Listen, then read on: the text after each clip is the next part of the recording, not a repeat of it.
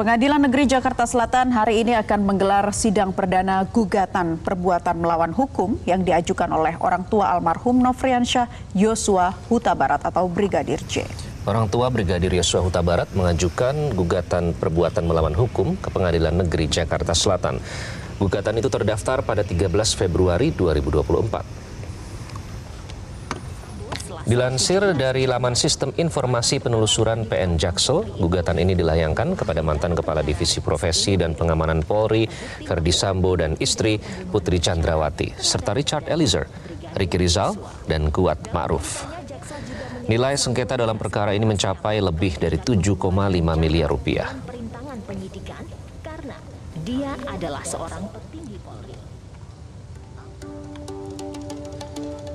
Ketua Pengadilan Negeri Jakarta Selatan Saud Maruli Tua Pasaribu telah menunjuk Majelis Hakim Hendra Yuristiawan sebagai ketua majelis yang akan memeriksa dan mengadili perkara tersebut.